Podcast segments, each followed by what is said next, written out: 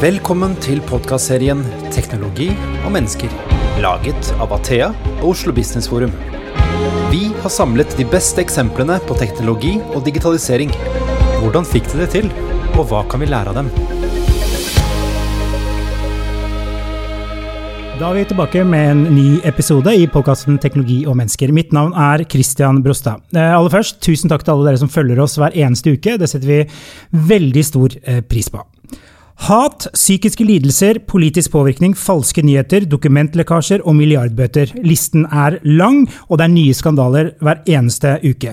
Vi snakker om Facebook, men de er ikke alene. Det er flere og flere som setter spørsmålstegn ved de store sosiale medienes størrelse, enorme datainnsamling og forretningsmodell. Har de for mye makt, og hva er alternativene? Og det er kanskje et paradoks at virksomheter og vanlige folk bruker sosiale medier som aldri før. Ukens eh, gjester som skal debutere disse spennende temaene, det er Rikard Laasen, Chief Marketing Officer i Strossel. Og så er det Ståle Lindblad, grunnlegger av eh, Areka. Velkommen til dere. Tusen takk. Tusen takk. Nå sa jeg navnet ditt riktig også. Jeg er litt forvirret om det er Richard eller Richard. Ja, Det er veldig vanlig å være forvirra rundt det. Det er Richard. Det er Richard. Det er Richard. Ja. Og Ståle, du har jo et eh, Det er lett å ha stålkontroll på ditt navn. Ja, for å si det sånn. Godt norsk. Ja, godt norsk. Uh, tenkte jeg skulle starte med deg, Rikard. Uh, hva er egentlig det store problemet med de sosiale mediene? Ah, det, er et, det, er et, godt spørsmål, for det er så stort. Det store problemet er jo at det er en netto negativ effekt på samfunnet vi lever i. Sosiale medier i seg selv er ikke problemet. Problemet er hva selskapene disse sosiale mediene representerer, gjør med den markedsmakta og de pengene vi har gitt dem. Og du nevnte jo lista her nå innledningsvis, ikke sant? og den lista den er jo relativt oppdatert. Forrige uke var det noe annet på den lista, og neste uke så er det helt sikkert noen nye ting som kommer på den lista. Og vi er nødt til å sette spørsmålstegn ved, ved, ved hvor går grensa? Hvor, hvor, mye skal vi tillate at noen få store aktører gjør med, med mediemangfold, med samfunnet, med mennesker, med helse, med, med alle pengene? Jeg eh, har litt annet syn på det. Eh, jeg mener at det største problemet med de sosiale mediene, det er jo oss mennesker. For eh, det som Altså, se på mye av det som Facebook eh, har fått kritikk for i det siste, og også YouTube tidligere, så er jo det hvordan vi mennesker oppfører oss på plattformen med den eh, skal si, eh, plattformen vi har fått, fått da, muligheten til å, til å ytre oss så er det vi menneskene som, som, skaper problemene, i form av hva vi gjør med de mulighetene. Vi ljuger og vi truer og vi mobber og, og fremmer våre egne eh, Det som fremmer våre egne interesser. Da. Eh, og så prøver de å gjøre noe med det, og de gjør for all ikke en god nok jobb, det er jeg helt enig i. Eh, men, men de, de prøver.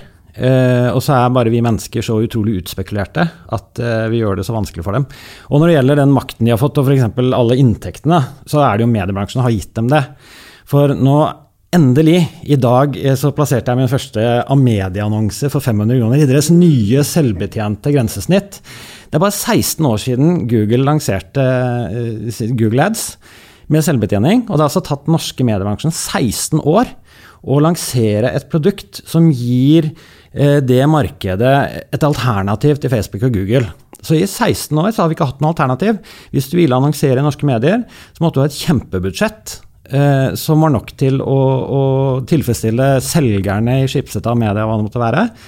Og så eh, måtte du lage en annonse, og så fikk den skure og gå for de 40 50 60 000 du, du sendte til aksjekatta uansett hvordan det funka, liksom. Så meg, da, i dag så putta jeg 500 kroner på en Amedia-annonse. Eh, og eh, det har jeg ikke hatt mulighet til å gjøre før. Og 75% av inntektene til Facebook kommer fra små og mellomstore bedrifter. Så norske medier har altså sagt nei takk til 75% av det markedet i 16 år.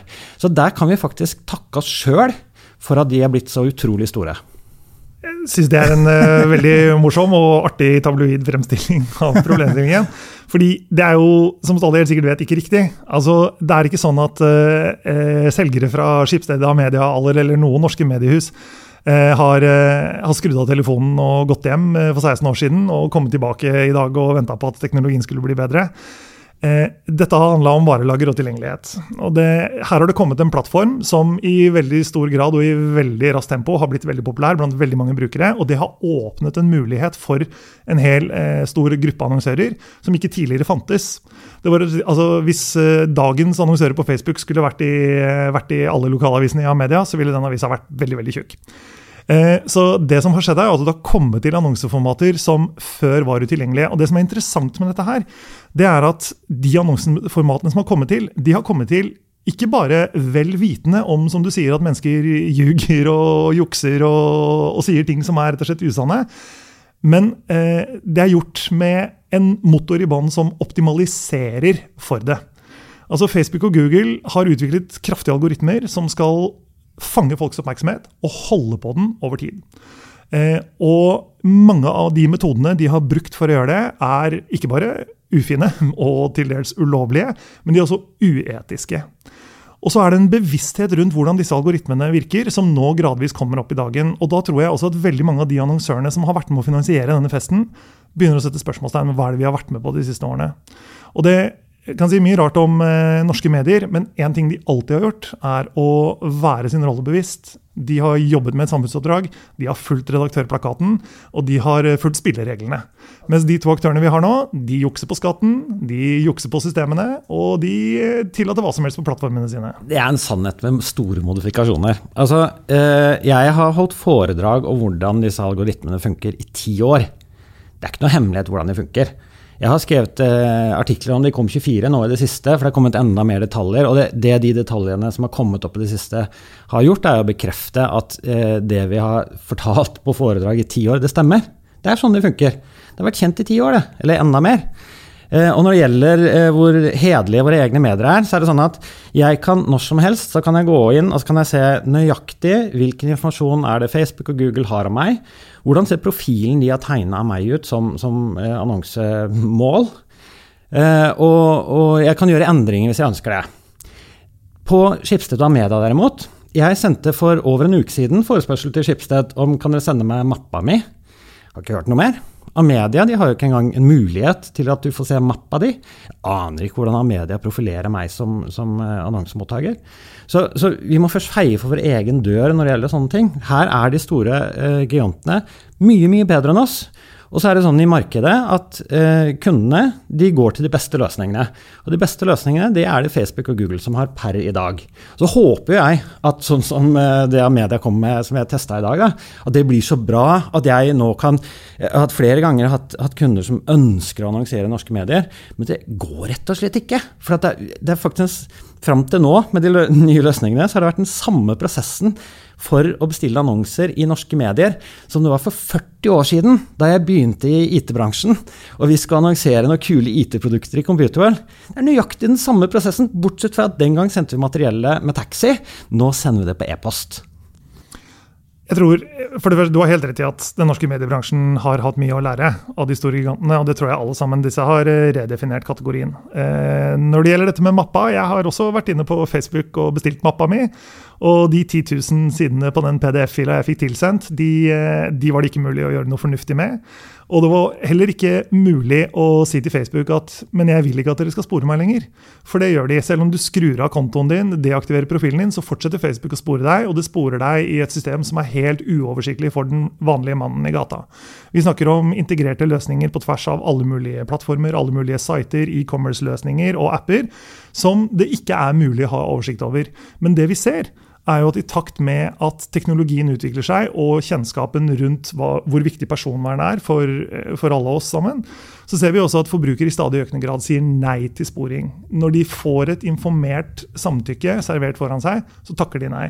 Det er veldig få som er aktive ute etter å la Facebook eller Google, eller for den saks skyld noen andre av media også, bygge opp den type profiler som, eh, som vi snakker om her. Og jeg tror at eh, det blir for enkelt å si at her må brukerne være mer bevisst. Fordi det krever en så stor innsikt og kunnskap at eh, forventningene om at min 14 år gamle datter eller 81 år gamle mor skal kunne fatte hva det har gitt seg ut på, når de får verdens mest brukervennlige grensesnitt presentert, Det, det, er feil. Altså, vi må kunne stille disse selskapene til ansvar for hva det er de har gjort. Og det som jo har kommet frem i den siste tiden, er jo at eh, de har løyet om kunnskapen om hvor skadelige plattformene er. Eh, og de har visst det hele tiden. Så disse Facebook Papers som eh, Francis Haugen i det siste har stått for, er jo en veldig ubehagelig avsløring. Og da hjelper det ikke å prøve seg på Men se, nå heter vi noe annet trikset, som Mark Zuckerberg dro forrige uke. Og vi er nødt til å holde noen ansvarlig for det som har skjedd. Mm. Vi, vi, litt, vi, skal grave litt dypere i noen av de problemstillingene. Jeg tenker, eh, Ståle, eh, du jobber jo med en del virksomheter. Hvor avhengig er norske virksomheter av eh, disse sosiale mediene for annonsering og påvirkning? Altså, det er den mest effektive annonsekanalen for de aller fleste, i hvert fall små og mellomstore virksomheter. De som ikke har budsjetter til å leie inn de svære byråene. Så er det i mange tilfeller den mest effektive annonsekanalene. Så det er jo en mulighet for, ja, sånn som meg, da, til å bruke 500 kroner på å nå ut, eller andre bedrifter. Jeg vet de bruker noen tusenlapper i måneden på, på annonsere produktene sine, og de kan tilpasse underveis, og det er veldig fleksibelt. Så, så de er relativt avhengig av det, all den tid det ikke finnes noe alternativ. Igjen, nå, nå begynner det omsider å komme noen, håper jeg, i Norge, men det er jo langt på overtid. Så, så, og igjen, hadde norske mediebransjen vært tidligere ute, så hadde de fått en mye større andel av det her. Men det de har kalt programmatisk hittil, det har jo enten vært Google Ads, eh, som de da har plassert på sidene sine, eller så, så, eh, må du da gå via et mediebyrå, hvor du vet at for det første så må du ha sikkert et sekssifra budsjett for at det skal ha hensikt, og for det andre så blir halvparten av de pengene liggende hos mediebyrå. Så, så, det har ikke vært noe reelt alternativ for, eh, for norske bedrifter eh, hittil. Mm. Eh, og Richard, du går jo så langt at du mener at annonsører bør slutte å bruke Facebook og Google. Nå har jo hatt en triade på hva du mener, liksom. Men jeg, jeg har hørt deg før, og da tenkte jeg hva er alternativet? Er det A-media, da, de 500 kronene? Altså, for det første så, eh, så finnes det gode alternativer. og mm. det, det, skal vi komme litt tilbake til. Jeg vil bare henger meg litt opp i dette med at eh, det er så lettvint å bruke Facebook og Google, og det er så effektivt. Og det lettvint og effektivt, det, det, er det andre ting som er i samfunnet. Det er lettvint og effektivt hvis du er keen på å bli rusa og kjøpe heroin. Men det betyr ikke at det er greit. Det betyr ikke at det ikke har negative samfunnskonsekvenser, og vi er nødt til å regulere det. Og Her i Norge så er vi godt vant til å regulere ting som, eh, som eh, samfunn. Vi har, vi har systemer, vi har tilsyn, vi har det meste på plass. Og når vi slipper til store aktører internasjonalt, så er vi nødt til å be dem om å følge spillereglene. Og eh, mediebransjen kommer fra et perspektiv med en stor eh, legacy business, i mangel av godt norsk, der de har et samfunnsoppdrag, de har gitt ut aviser, de har vært en eh, rolle i lokaldemokratiet. Og bare fordi Facebook og Google har hoppet bukk over den delen av, eh, av hva mediebransjen gjør, så, så betyr det ikke at det er greit.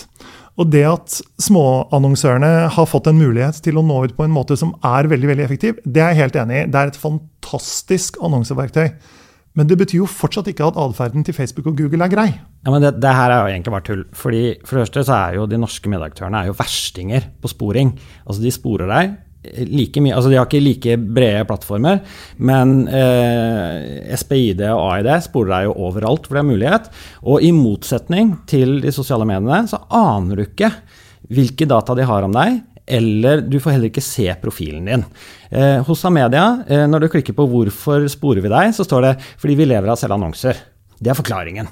Eh, du sa det var veldig vanskelig å finne ut av på Facebook og Google i stad. Jeg skal gi deg lenkene etterpå, men du har både ActivityLog på Facebook, eh, og både Facebook og Google har egne profilsider hvor de viser eh, hvilken, hvordan profilen de har tegna deg, ser ut. Og der kan du gå inn og så kan du si nei, jeg er ikke opptatt av det, jeg er mer opptatt av det. Og nei, jeg er ikke 40, 50, 54, jeg er 29, jeg skjønner du. Så, så, der kan du gå inn og så kan du gjøre endringer på det. Og I tillegg så kan du på hver eneste post og hver eneste annonse klikke på 'hvorfor ser jeg denne?' Og så ser du hva er det vi har profilert deg med. Hvorfor viser vi deg akkurat denne annonsen?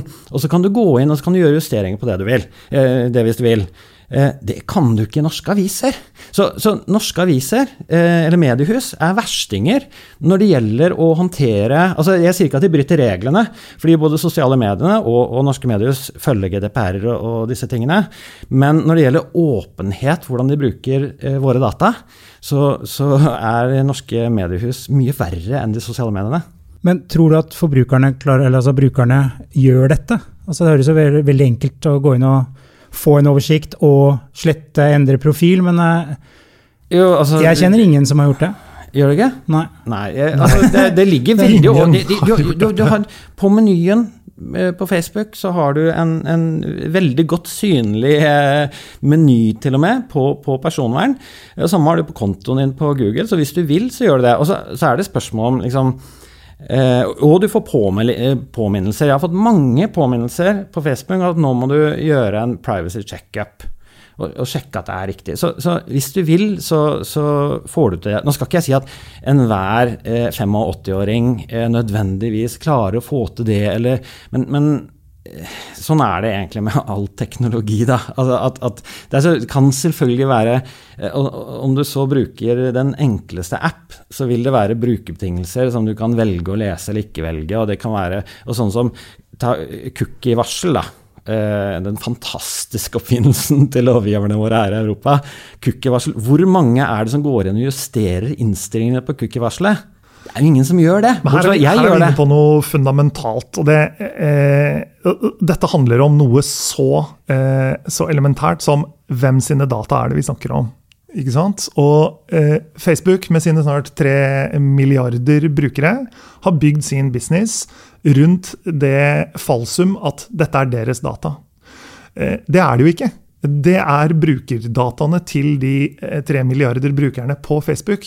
Det Facebook har klart å gjøre, er å gjøre våre data til en råvare for eh, algoritme som har ett eneste formål, og det er å selge annonser. Ja, hvordan skiller det seg fra Schibsted media? Vel, For det første så er det det vi akkurat snakket om, GDPR. Ikke sant? Ja. Altså, eh, Facebook og Google har vært blant de mest aktive aktørene for å trenere implementering av eh, lov, altså personverndata i sine respektive markeder. Eh, de blir jo gang på gang dømt for å ikke følge, følge lovgivningen. Og de trenerer betalingen av bøter og utsettelser av disse vedtakene i det lengste, så lenge at det rett og slett blir utdatert innen, eh, innen de får gjort opp for seg. Nå har vi fått en del dommer i EU i det siste. Schrems 2 kom eh, for ikke så lenge siden. Og de er nødt til å tilpasse seg enkle regler som dette. Men eh, det å si at man har tilgang til dataene sine på Facebook og gjøre, gjøre de tilgjengelige for at de skal slettes, det er, eh, det er ikke tilfellet. Ja, men da spør jeg om de norske mediene. Hvordan skiller det her seg fra Skipstad Media? Jeg tror at både Skipsted og Media, nå er jo ikke jeg representant for dem, ville eh, på samme måte som du redegjør for at Facebook gjør dette lett tilgjengelig, sagt at det gjør de også hos oss. Jeg har også vært inne og lest personvernerklæringene til de største aktørene i Norge, og er helt enig med deg i at den OK, jeg forstår-knappen, eller enda bedre, vi bryr oss om ditt personvern, så klikk her, så vi kan demonstrere det motsatte, er noe av det mest paradoksale på internett i dag. Eh, og absolutt ikke det som var intensjonen når man begynte å snakke om innføring av GDPR. Men bare for å si det, vi er på vei et sted her. Vi er på vei mot økt fokus mot personvern. Vi er på vei mot økt bevissthet rundt hva private data er, og hvem de tilhører. GDPR er en veldig ufullstendig lov som ble laget for å tydeliggjøre dette, og har klart å gjøre det motsatte. Ja, men jeg vil hevde Jeg er helt enig med GDPR har jo ikke hatt uh, helt den effekten som var intensjonen. Men det GDPR har gjort, er jo å sette på dagsorden.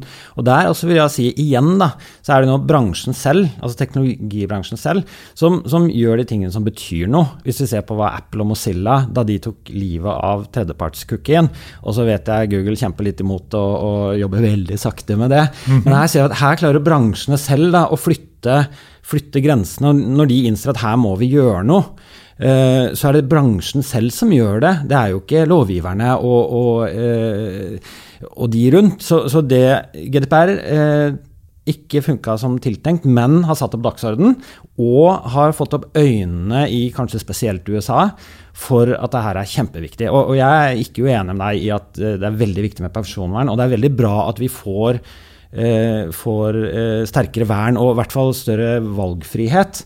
Men vi må ikke glemme å feie for egen dør. Eh, sånn at eh, vi, vi, også ser på hva vi sjøl kan bli bedre på. Da. Her toucher du på, på, noe du startet med innledningsvis, og det er hva, hva er problemet? Og problemet er jo at annonsører i Norge, rundt omkring i verden, vi har gitt penger til plattformer fordi, eh, helt uavhengig av hvordan de har behandlet personvern.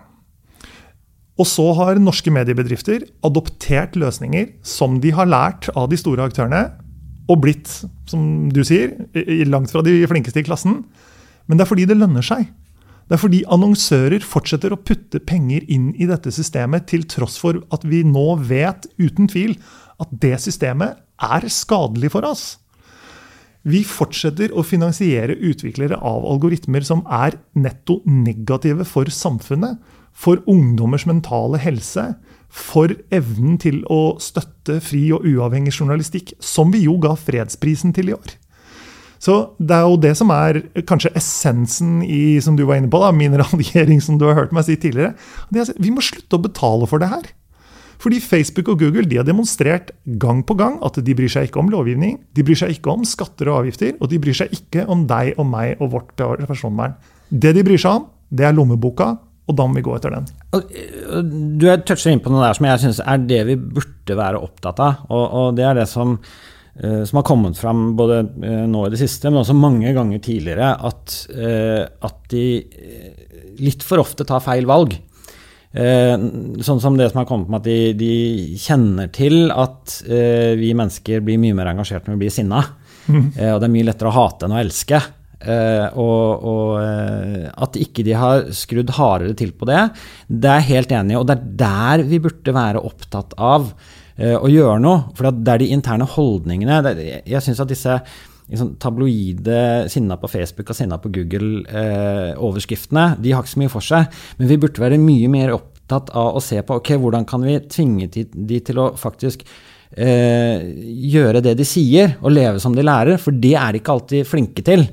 Eh, og, og, det hadde hatt mye større effekt eh, hvis man la mer vekt på det. Og gjerne kan vi få annonsører til å flytte pengene sine. Ikke noe i veien for det, for, for bøter funker ikke. fordi Eh, sist, jeg husker ikke om det var Google eller Facebook som, som, fikk en milliard dollar i bot for et eller annet her. Og det tar eh, Google mindre enn 14 dager å tjene en milliard dollar. Altså Så, det er som å si at det koster 200 å parkere, men parkeringsboten er 5 kroner. Da, da, ja. da lønner det seg ikke å, kjøpe, å betale for parkeringa lenger. Men, men da, da, mener jeg da, og, og, da trenger vi både at eh, myndighetene altså Dette her er veldig komplekse problemer som det ikke finnes enkle løsninger på. Vi, vi må, vi må, det er komplekse løsninger. Men da må man, for det første, så, så, må myndighetene forstå bedre hvordan det her funker, og ikke si at algoritmer er så vanskelig, for det er ikke det. Eh, og så må det jobbes internasjonalt. Og så bør man jobbe med bransjen, sånn at man kan løse de utfordringene som er om fem år. Fordi at når vi driver nå og, og løper rundt i, i Brussel og lager EU-forordninger, så er de kanskje på plass om fem år. Og da ser internett helt annerledes ut. Da hjelper det ikke at vi har liksom vært veldig sinna nå fordi Frances Haugen avslørte noen interne e-poster. Vi, vi, må samarbeide med bransjen, sånn at vi ser ok, hvor kommer det til å være om fem år? Hvordan skal vi regulere det på en fornuftig måte? Sånn at eh, vi ikke ikke løper etter på etterskudd hele tiden. For det er ikke sånn at bransjen er livredd for reguleringer. Tvert imot, de, de, har sagt at de er for reguleringer, men de ønsker også forutsigbarhet. Det, det, verste eh, for bedrifter er jo uforutsigbarhet. Men hvis de kan planlegge for, sånn som nå med at eh, tredjepartskukken er i ferd med å dø, så kan de planlegge for det. Og så kan de jobbe med teknologier og så kan de jobbe med å tilpasse produktene sine eh, til det. Og det vi ser nå, er jo at de som er flinkest til å jobbe med det, igjen er Facebook og Google, som er i ferd med å lage teknologier som gjør at de kan overleve. Og da sitter vi her igjen da, om fem år uten tredjepartscookier, men fortsatt med eller Meta og Google, som, som sitter og har bukta begge endene. Så hvis ikke vi i dag eh, begynner å se framover og jobbe med bransjen selv, så, så kommer vi til å være i akkurat samme situasjon om fem år. Jeg er litt redd for at Ståle tror på nissen, altså. Det her er eh, Det her kommer Det er ikke lenge til jul, da. Nei, det, det, kan jo være greit å legge inn en liten knapp på at det dukker opp noe eh, ned pipa. Altså, eh, Mark Zuckerberg har gang på gang eh, blitt kalt inn til eh, ulike høringer og sittet eh, blank i øya og enten snakket uten bedre vitende eller jugd folk rett opp i trynet. Og når han blir konfrontert med de ubehagelige sannhetene som nå er uomtvistelige, så svarer han enten med at han er stolt over utviklingen, eh, we've made tremendous progress, eller så sier han Facebook is the victim. Eh, så Utfordringen med dette her er at vi nå har selskap som er selvregulerende. Du var jo inne på det. Disse er jo større enn og viktigere enn noen nasjonal myndighet. så Dermed så tillater de seg opptre, eh, også å opptre som en, en, slags overnasjonal enhet. Som ikke kan, eh, kan låses ned av lover og regler i noe enkelt land. Så vi som annonsører er kanskje en av de kraftigste virkemidlene vi har for å si at vi ikke ønsker å stimulere til denne type atferd videre. Nå begynner jo etter hvert en del brands å gå ut. Patagonia var ute her om dagen og sa at eh, nei, vi annonserer ikke på Facebook. Etter det tingene som har kommet frem i The Facebook Papers, så fikk vi bekreftet det vi trodde. Og det viser også at selskapet kjente til det, og vi ønsker ikke lenger å finansiere denne virksomheten. Og Jeg tror rett og slett det er så enkelt som at det er det språket vi må snakke. Vi må snakke, tørre å snakke om en boikott, all den tid vi ikke kan regulere. Eh, vi kan ikke overlate til brukerne å ta ansvar, for dette er større enn noens kunnskap eller innsikt om teknologi. Så hvis vi skal stimulere til forandring i bransjen, så er vi nødt til å sette bransjen under et eh, skarpere lys. Og der tror jeg kroner og øre betyr mye. Men da må det være et, et alternativ. fordi at selv om altså at Patagonia boikotter eh, Facebook, det har like mye å si som at Norge boikotter e VM i Qatar.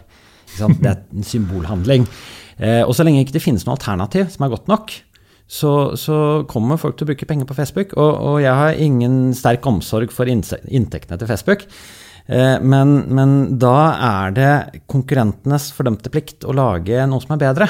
Sånn at det finnes et alternativ for annonsørene. For ellers så kommer de til å sende pengene sine til Facebook og Google.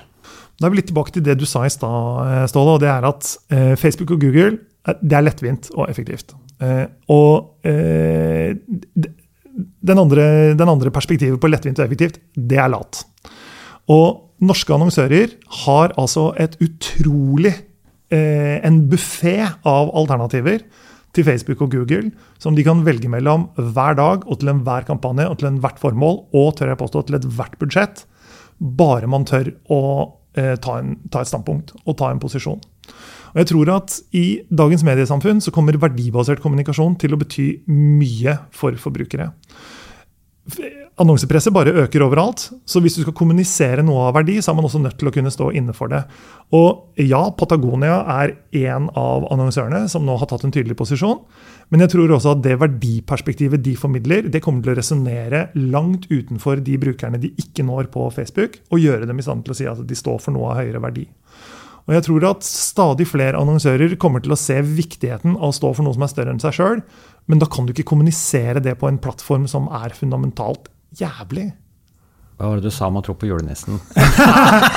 dere, vi må litt videre, fordi uh, begge dere har nevnt uh, Meta. Uh, hva, hva, er rasjonalet, Ståle, med ditt perspektiv? er det et forsøk på å riste av skandalene, eller er det noe Nei. dypere enn det? Ja, Altså det å, det å se på uh, en visjon som går over så mange år i liksom dagens perspektiv, det er, det er litt sånn uh, grunn tankegang.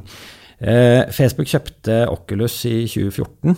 allerede da begynte, begynte, de å tenke på VR og på en, en, et, et annerledes internett. Eh, og Mark Zuckerberg begynte å snakke om Metaverse eh, for over et halvt år siden. Lenge før noen hadde hørt om Francis Haugen.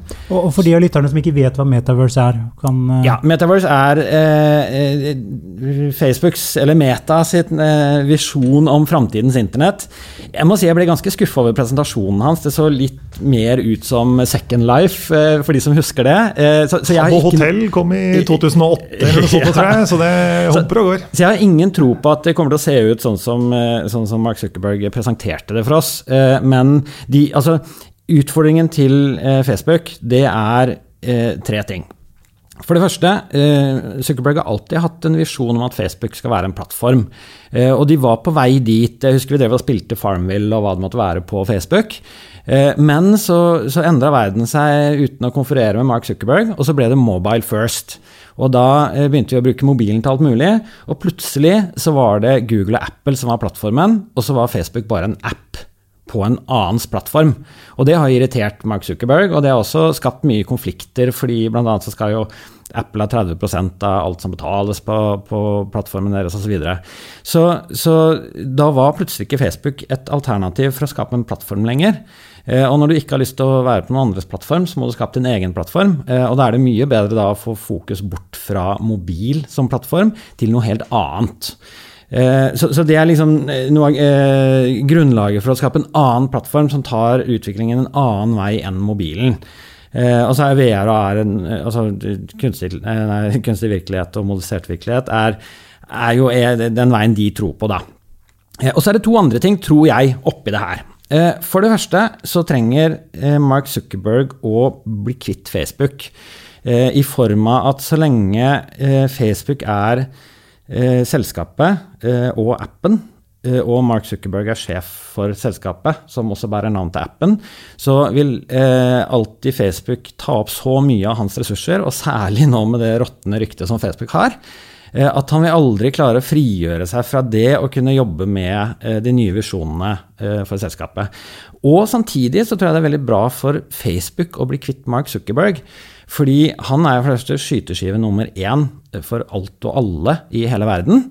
Eh, og dessuten så er altså noen av utfordringene til Facebook, eh, som, som Rikard er helt eh, altså, Dere er enige om én ting? Er enige om det. Det er at det er holdningene til Mark Zuckerberg. Fordi jeg kan godt kjenne meg igjen i det at jeg husker første gang jeg begynte å jobbe med, med API, altså datagrensnettet til Facebook, så, så, fikk jeg stjerner i øya og tenkte jeg, yes, så mye kult jeg kan gjøre! Og det er jo det Mark Zuckerberg også tenker, at informasjon er en mulighet, ikke en begrensning. ikke sant? Eh, og, og han sa jo veldig lenge, selv etter at det ble diskusjoner om personvern, at mennesker vil ønske å dele mest mulig. Det trodde jo han på selv veldig lenge, helt til han ble tvunget til å innse at det er visst ikke sånn. Eh, og, og, noe av det som jeg mener er de store utfordringene i Facebook, som vi har sett ikke bare nå i det siste, men, men eh, fra flere år tilbake, det er jo at Facebook gjør endringer, men så følges det, ikke, følges det ikke opp internt. Så at, eh, sånn som vi har hatt flere tilfeller tidligere, at eh, partnere som skulle ha mista tilgangen eh, til data, at ingen sjekker at de faktisk mister tilgangen. Sånn at Det har vært en sånn slurvete holdning internt, for det har ikke vært veldig viktig for dem. Og, og, den kulturen der, som Mark Zuckerberg egentlig står for Jeg tror Facebook, hvis de skal kunne klare å gjenopprette tilliten ute blant brukerne, så eh, må de ha en annen kultur inn i selskapet. Og der er det veldig fint å få Mark Zuckerberg på en armlengdes avstand. Så jeg tror det er bra for, eh, for, både Facebook og for selskapet at de gjorde det de gjorde nå. Jeg tror ikke det har noen ting med Facebook Papers å gjøre. Det føler jeg at jeg må få kommentere. Fordi eh, her er det et par ting. For det første så eh, er jo denne, denne, dette eventyret om at Mark Zuckerberg har hatt en visjon for internett, er nettopp det. Det er Brødrene Grim. Eh, og det, dette har blitt grundig dokumentert også i en veldig underholdende film. At eh, Facebook startet som et eh, sted der du skulle kunne like eller ikke like trynene til damene på campus for universitetsstudenter. Og det var der det hele begynte. Eh, så, eh, så, denne opprinnelseshistorien den har blitt revidert gang på gang. Men det er helt ok, det gjør alle bedrifter. De, de, det viser seg at de egentlig sto for noe som var mye større enn det de egentlig sto for, når de har blitt store nok til å stå for noe annet. Eh, og så er det jo timingen i dette, da. Altså, eh, det er jo eh, fra, eh, fra Mad Men, er det ikke, hvor Don Draper sier at if you don't like what they're saying, you change the conversation. Det er jo det eldste trikset i PR, det er det eldste trikset i politikk. At hvis du syns at dette er ubehagelig, så snakker vi om noe annet. Så timingen rundt dette tror jeg er alt annet enn, er alt annet enn tilfeldig. Men jeg er helt enig i at både Facebook og Mark Zuckerberg trenger avstand fra hverandre. Men jeg tror ikke det handler om ressursbruk, jeg tror det handler om eh, rettslig forfølgelse og ansvar. Nå er Mark tiltalt i Jeg kaller han Mark, jeg. Nå er han tiltalt eh, eh, i, i, et tilfelle i USA, og det liner seg antageligvis opp statsadvokater som nå prøver å knytte Zuckerberg direkte til, til drap, til misinformasjon, til selvmord, til helseproblemer, for at han skal kunne strafferettslig forfølges. Og når man da i fremtiden trenger å få the CEO of Facebook inn foran Senatet til å spørre hva i all verden er det dere driver med, så er det nok bedre for alle involverte at det kanskje ikke er Mark Zuckerberg. Eh, så her vil det nok komme en eh, ny, flott eh, CEO som får den rette summen penger, tar sitt gode navn og rykte og kaster under bussen og stiller opp for Facebook.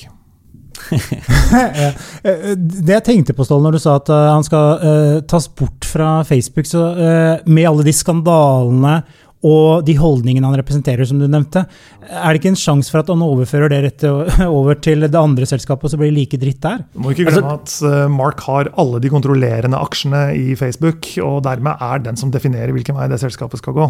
Ja, og så må jeg si at eh, Hvis han gjentar alle feilene fra Facebook i Meta, da har han fortjent det. Så, så, eh, jeg håper ikke han er så dum. Vi skal lukke døra for den muligheten helt uten videre. Det er en track record her som, eh, som peker en vei. Nei, jeg, jeg, tror faktisk at, eh, at han ikke er så dum. Men det er klart vi skal altså Jeg har ikke noe tro på at Metaverse blir det som de presenterte, men, men jeg har tro på at det kommer til å altså, At internett kommer til å utvikle seg i noen retninger. Da, og da er det veldig viktig at vi at vi eh, F.eks. nå ser vi at Europa ligger jo langt foran USA når det gjelder personvern, og når det gjelder en del av disse, eh, disse reguleringene. At igjen da, at ikke vi driver og, og, og, er mest opptatt av å være sinna på Facebook eller sinna på Google eller sinna på YouTube, men at, de faktisk tenk, at politikerne tenker like visjonært som tech-bransjen. Sånn at de kan være med å regulere, så vi slipper å løpe etter eh, hele tiden.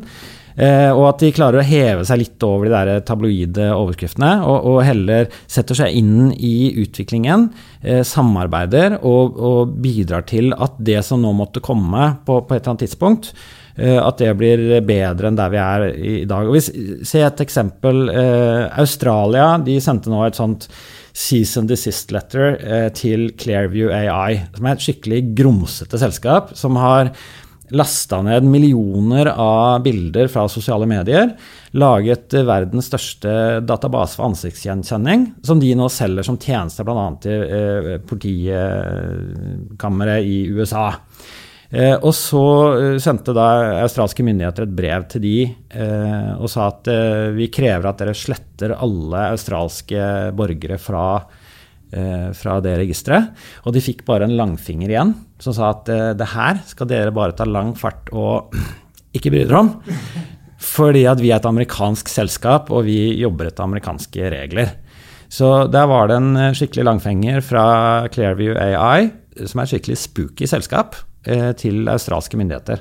Hvordan var det nå? Jeg syns nettopp du sa at amerikanske myndigheter var lenger framme. Nei, europeisk er lenger framme. Jeg bekymrer deg et lite øyeblikk. Ja, ja, Europeisk er, er, langt, langt foran amerikanske. Her ligger europeerne langt foran, og amerikanerne kommer etter i rykk og napp. CCCPA i, i California som et eksempel, og det kommer jo flere nye personvernlover på plass i USA. Og det Utfordringen med at vi på en måte, hva skal vi kalle det, kjemper mot amerikanske selskap her, ligger jo også i den enorme påvirkningskraften de har i kraft av den økonomiske musklene sine og lobbyvirksomhet i, i, statene. Samtidig så kan vi ikke vente på myndighetene. Det å vente på regulering det er håpløst, fordi loven er alltid det siste som forandrer seg. Den tilpasser seg. Jeg har jo tidligere brukt eh, eksempel i et foredrag som du har hørt, bl.a. Der, eh, der man snakker om bilene. Bilene ble introdusert rundt eh, 1900-tallet, ble veldig populære, men det var altså ikke forbudt å kjøre i fylla før i 1936. Men det betyr jo ikke at man er nødt til å kjøre i fylla hele tiden. Det betyr jo at man kan være en bevisst deltaker i da, dette økosystemet og bruke huet før man, eh, før man gir seg ut i trafikken, so to speak. Og det er her jeg mener at annonsører representerer en ukjent kraft. Hvis 100 000 eller 200 000 eller 500 000, hvis alle nordmenn boikotter Facebook i morgen, så har det, som Ståle er inne på, veldig veldig liten effekt. Det blir som vi sier at vi drakk til VM i Qatar. Ingen som visste at vi hadde noe der å gjøre likevel. Vi kan dra dit med ski på beina, og resultatet blir det samme. Men eh, hvis annonsører får fart i en global kampanje der man setter krav til Facebook og Google, og det er veldig viktig at vi, Nå snakker vi mye om, eh, om Facebook, men dette gjelder så absolutt Google også. Så, så vil det, håper jeg, ha en effekt. Og det er den effekten jeg tror at eh, vi burde fokusere på. Og jeg tror også at hvis norske annonsører, om ikke de gjør noe annet da, enn å flytte spenninga si, som Ståle nå allerede har gjort, fra Facebook til Amedia, så gjør vi faktisk Amedia til et bedre sted også. Da gir vi Amedia en fighting chance til å gjøre noe bra. Jeg, altså, jeg, jeg, har en, jeg, har forslag til å ha Jeg, skal, jeg vet også at Schibsted har laget eh, en sånn løsning som jeg også skal teste. Men jeg har en utfordring til Amedia. At jeg skal bruke mer penger på media hvis de begynner å lese korrektur på sakene før de putter dem på trykk. Altså Når til og med skrivefeil i NTB-saker replikeres 20-30-40 ganger. Ja, nå er det julenissetid, kjenner jeg, for det der er Nei, det, vet du hva. Altså, hør her, som sagt, jeg, jeg, representerer på ingen måte den norske mediebransjen. Men, eh, men, jeg tør stå inne for at vi har et større behov for et mediemangfold enn vi har for at Facebook skal gjøre det bedre og bedre. Det er vi helt enige om. Jeg, jeg vil veldig gjerne ha mediemangfold, og jeg syns at eh, det er dessverre også blir for mye altså, Jeg skal ikke bruke et uh, Vedum-uttrykk, men for mye sentralisering av makta i norske medier. Er, altså, når vi snakker om dette maktforholdet, så er jo det en av, eh, en av de store nøttene til politikerne i dag. Altså, Vi kan velge hvem vi vil inn eller ut på Stortinget, vi. Men den reelle gjennomføringskraften overfor disse multinasjonale gigantene, den, den er og blir lik null. Vi er, vi er punching way above our weight. Men da er vi litt tilbake til ok, men hvordan kan vi gjøre noe? Hva kan vi gjøre? Det går ikke an som forbruker å si 'jeg skrur av Facebook og Google'. Det, det, det, er ikke fysisk mulig. De er så dypt integrert i livet vårt. altså Om du skal kjøre ungen på judo, eller om du skal prøve å navigere fra A til B i bilen du akkurat har kjøpt, så er du en del av dette økosystemet. Og du kan heller ikke gjøre annet enn å si Du kan gå inn på Facebook og slette mappa di med ujevne mellomrom. Eller du kan si nei når du får opp den OK, jeg forstår-knappen. Det finnes ikke noe 'jeg skjønner ingenting'-knapp. Det det burde norske medier få på plass. Jeg vil heller at de gjør det enn å lese korrektur. Men, eh, men, da er vi tilbake til annonsørene. Altså. Det er de som kan sette krav, og det er de som kan gjøre noe. Mm. Eh, Ståle, er du bekymra over, eh, over, størrelsen på disse selskapene? I det hele tatt? Eller nei, er det bare fordi at uh, norske selskaper er så dårlige til å konkurrere? Nei, nei altså størrelse på selskapene er jeg ikke så opptatt av. For det, det, jeg kan ikke se hvordan det har altså Hvordan f.eks. en oppsplitting skulle ha noen effekt på noe som helst, egentlig. Uh, altså, brukerne flytter seg. Vi glemte det som begrunnelse også i stad, at uh, Facebook trenger å endre seg. At de mister jo de unge. Altså, de har mistet unge på Facebook allerede, og, og, de kommer til å gjøre det på Instagram også. Uh, og, og, det er mye lettere å være plattformen enn å være en av appene som konkurrerer om de unge. Så det er klart at uh, hvor brukerne flytter seg, vil ha litt å si. jeg tror de har større mulighet for å gjøre noe med alt dette med, med hat uh, hatefullt innhold og mobbing og sånn, eh, så lenge de har store ressurser. Men jeg syns jo det er helt Jeg skrev en sak her om dagen om hvor mye penger Google tjener, og det er jo helt hinsides. Så jeg skulle ønske at vi som har så sinnssykt mye ressurser som vi har her i Norge, heller kunne putte litt mer penger i å utvikle uh, norske tech-bransjen, norske kunnskapsbransjen, norske Altså hvorfor bruker vi ikke mer ressurser på å utvikle gode løsninger? Det, det er ikke sånn at uh, Facebook og Google er uangripelige. Uh, ja, det er vanskelig å, å lage et nytt Google-søkeselskap, uh, men, men uh, TikTok f.eks. har jo vist at det er fullt mulig å angripe posisjonen Facebook har hatt og Instagram har nå osv. Og, og, og jeg skulle ønske at vi brukte mye mer ressurser på det i, i, Norge. Jeg skjønner ikke hvorfor det skal være drømmen til alle norske firmaer å bli kjøpt opp av et amerikansk selskap. Det burde være motsatt. Vi burde jo brukt eh, oljekroner på å kjøpe god teknologi fra rundt i verden og etablere disse eh, teknosentrene i Norge. Vi har et fantastisk universitet i Trondheim, vi har fantastisk universitetsmiljø her i Oslo, vi har Stavanger, Tromsø, whatnot.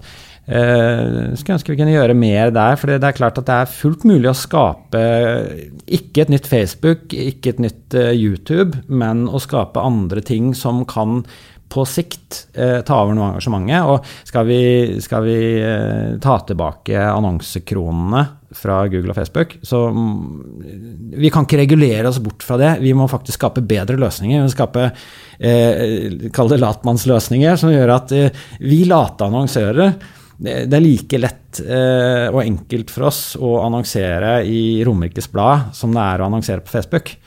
Eh, og, og, det har vi dessverre ikke vært interessert i å, å investere i og, og gjøre. Og, og, sånn som det er i dag, så er det stort sett bare to selskaper i Norge som har, som har råd til å gjøre det innenfor mediebransjen. Uh, og de små selvstendige uh, som, som ikke er en del av de to konsernene, de er nødt til å løpe dit og låne teknologi eller kjøpe teknologi. Vi vet at det finnes norske annonsetech-selskaper som, som, har hatt i årevis har hatt selvbetjeningsløsninger ferdig som moduler, men, men, norske medier tar dem ikke i bruk. Så jeg, det kan vi gjøre her i Norge ved å investere mer eh, i, eh, i, kunnskapsbedrifter og, og tech-bedrifter, eh, og ikke eh, sende alle suksessene over til Silicon Valley. For det, det er fint der borte, men for listen er lang.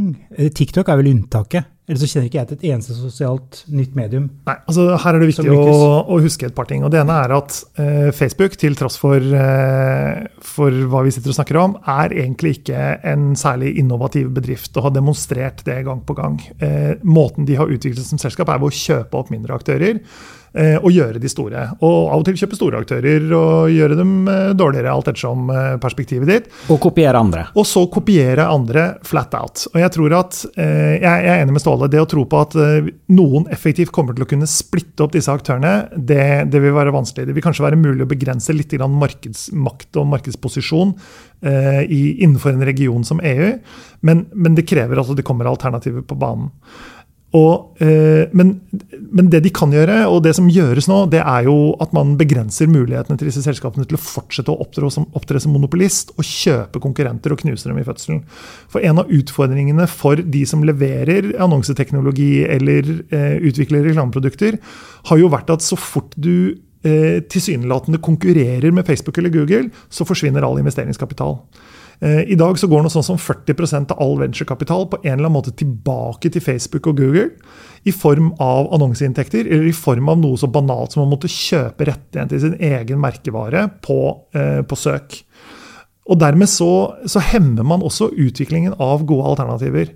Og når man da lanserer et nytt produkt, og det har vi jo sett Snap gjøre for eksempel, gang på gang, eller TikTok for den saks skyld, så blir de altså flat out kopiert umiddelbart av, eh, av Facebook eller av Google. Så inntil man får bedre IP-beskyttelse rundt den type løsninger, så vil det være vanskelig. Den gode nyheten er jo at uh, kidsa blir eldre, da. Vi ser jo nå at brukervaner er i ferd med å forandre seg, og at man begynner å få en litt sånn eh, utkrystallisering av hvem det er som er på Facebook. Eh, og i takt med at den brukergruppen blir eldre og vokser opp med nye plattformer, som f.eks. TikTok, så er det ingen grunn til å tro at de kommer til å bytte beite bare de blir gamle nok til å se annonser på Facebook. Så de kommer til å utvikle seg i takt med disse plattformene, og det vil komme til nye hele veien. Men det som, eh, det som er forutsetningene her, sånn, er jo at man lærer av de feilene som har vært. Vi touchet jo så vidt innpå i stad at eh, vi er i ferd med å fase ut tredjepartscookien.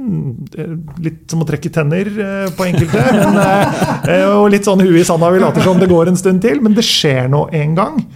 Eh, og i takt med at man ser den type utfasing, er jo at man ikke da bare uten videre lar f.eks. Google introdusere noe nytt. da. Ikke sant? Altså Privacy Sandbox, eh, Flock og eh, hva, hva, de ulike iterasjonene heter. For det er jo til syvende og sist det som kommer til å gjenoppstå i asken av den tredjepartscookien. Så så lenge vi føler og tror at vi utvikler oss mot bedre produkter som treffer brukerne og engasjerer dem på en annen måte, og det eh, for enhver eh, med en viss entusiasme rundt, eh, rundt algoritmer Altså, TikTok er helt utrolig. Det er jo et helt fantastisk produkt. Jeg synes Som et annonsemedium så er det ræva, men jeg er åpenbart for gammel til å uttale meg. Så, eh, så jeg, jeg, forbeholder retten til å stryke den siste setningen. Bra. Eh, vi kunne jo snakket om eh, dette i timevis med engasjementet deres. Vi nærmer oss slutten, så jeg tenkte avslutningsvis, Ståle. Vil vi ha denne samme debatten om fem-seks år, tror du? Jeg håper, jeg håper, ikke det, men jeg er redd vi kommer til å ha det. Uh, bare med noen nye navn eller noen nye produkter eller noen nye problemstillinger. Men, uh, men jeg ser ikke altså den, den uh, Jeg ser den debatten som er, da, så, så, er jeg ikke veldig positiv til at vi kommer til å angripe disse problemene på en smartere måte. Men jeg tror det er mulig, men jeg frykter at, at det ikke er sånn. Mm. Rikard, er du mer optimistisk? Ja, nå tror jeg på nissen, kjenner. Jeg, jeg, tror, jeg, tror, jeg tror, faktisk det. Jeg tror vi eh, Altså, eh, jeg har referert til døtrene mine et par ganger, så jeg kan jo fortsette med det. De lærer kildekritikk. De lærer om vettig bruk av mobiltelefonen sin. De lærer hvordan de skal kommunisere med hverandre på sosiale medier uten at det blir en forlengelse eller en forsterkning av mobbing og hat. Og basert på det så håper og tror jeg at vi faktisk får en eh, generasjon med konsumenter som kommer etter oss nå, som, som, er mer bevisst på hvilken rolle teknologi har i livene deres. Vi er tross alt gamliser. Vi fikk dette her servert i fanget. Jeg, jeg kan med glede og Finn huske en verden uten internett. Når jeg snakker om uh, ting med dagens ungdom om før iPhone, så tror de jeg snakker om iPhone 7. Så det er, det er, noe med det. Jeg tror den gjengen som kommer, uh, som kommer inn nå, de, de, er skerpere enn det viser seg at vi var. altså. Jeg må krysse fingrene for det. altså. Jeg tror, tror, tror, ikke på det, men jeg må krysse fingrene for at det skjer. Nydelig. Da skal vi over til vår faste spalte. Digitale vaner. Bli kjent med gjestene ved å snoke deres digitale liv. Hva gjør de egentlig på nettet? Hvilke favorittapper har de? Er det streaming eller linær-TV som gjelder? TikTok eller Snapchat? Vi spør i Teknologi og mennesker. Yes, Ståle og Rikard, nå skal vi da altså snoke litt i deres private digitale liv, så dette er jeg veldig spent på. Eh, greia er da at eh, dere får to alternativer, og så skal dere velge ett av de alternativene. Og så er det fryktelig strengt forbudt og velge et tredje alternativ. Så skape sitt eget. Det er vi ikke for akkurat her, da. Skal vi begynne med deg, Ståle? Ja. Eh, nettbutikk eller fysisk butikk? Fysisk butikk, faktisk. Også etter korona? Eller det er jo ikke over ennå, men ja, ja jeg, det er et eller annet. Men jeg, jeg tenkte på det, jeg snakka med naboen min som kjøper all maten sin på Oda og sånt. Men jeg, altså det å gå inn på Meny på Røa, det gjør meg glad. jeg vet ikke hvordan vi skal tolke det. Hva med deg, Rikard? Ja, jeg har jo allerede stått fram som gamlis. Fysisk butikk. Det fysisk. Hver gang. Ja. Uh, deg, uh, Richard. Uh, seriefråtsing eller én episode i uka? Seriefråtsing. Åh, altså, Seervaner, de har, de har kommet Altså, de er forandra for life. Ja. Altså, jeg blir gæren jeg nå når det er en, en episode i uka. Det, det, holder ikke. Hva er det du ser om dagene? Ja, nå jeg, jeg faktisk gikk glipp av et par sesonger med True Detective, så nå driver jeg og jobber meg gjennom, uh, jobber meg gjennom den. Uh, men apropos da en episode i uka, det er fordi jeg sparer Succession til jeg kan, uh, til jeg kan fråtse. Ja, det er grusomt nå. Ja. ja.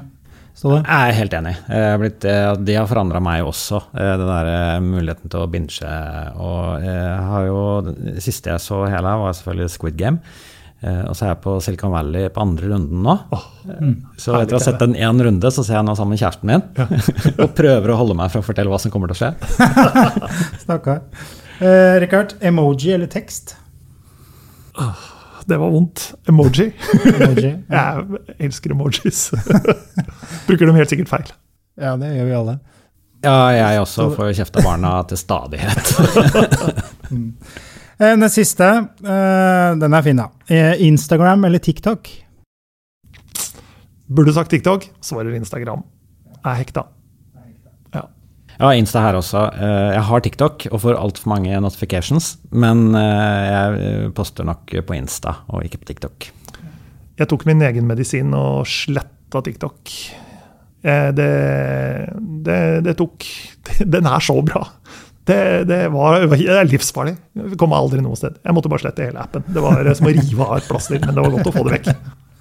Ja, du er veldig på sånn kroppslige ting. Rive ut tenner og Ja, ja, er. Det, er sant. det skal være litt Det skal kjennes. Det skal kjennes. Eh, siste, Ståle. Smarthjem eller bare hjem? Bare hjem. Du har ingen smarte ting hjemme?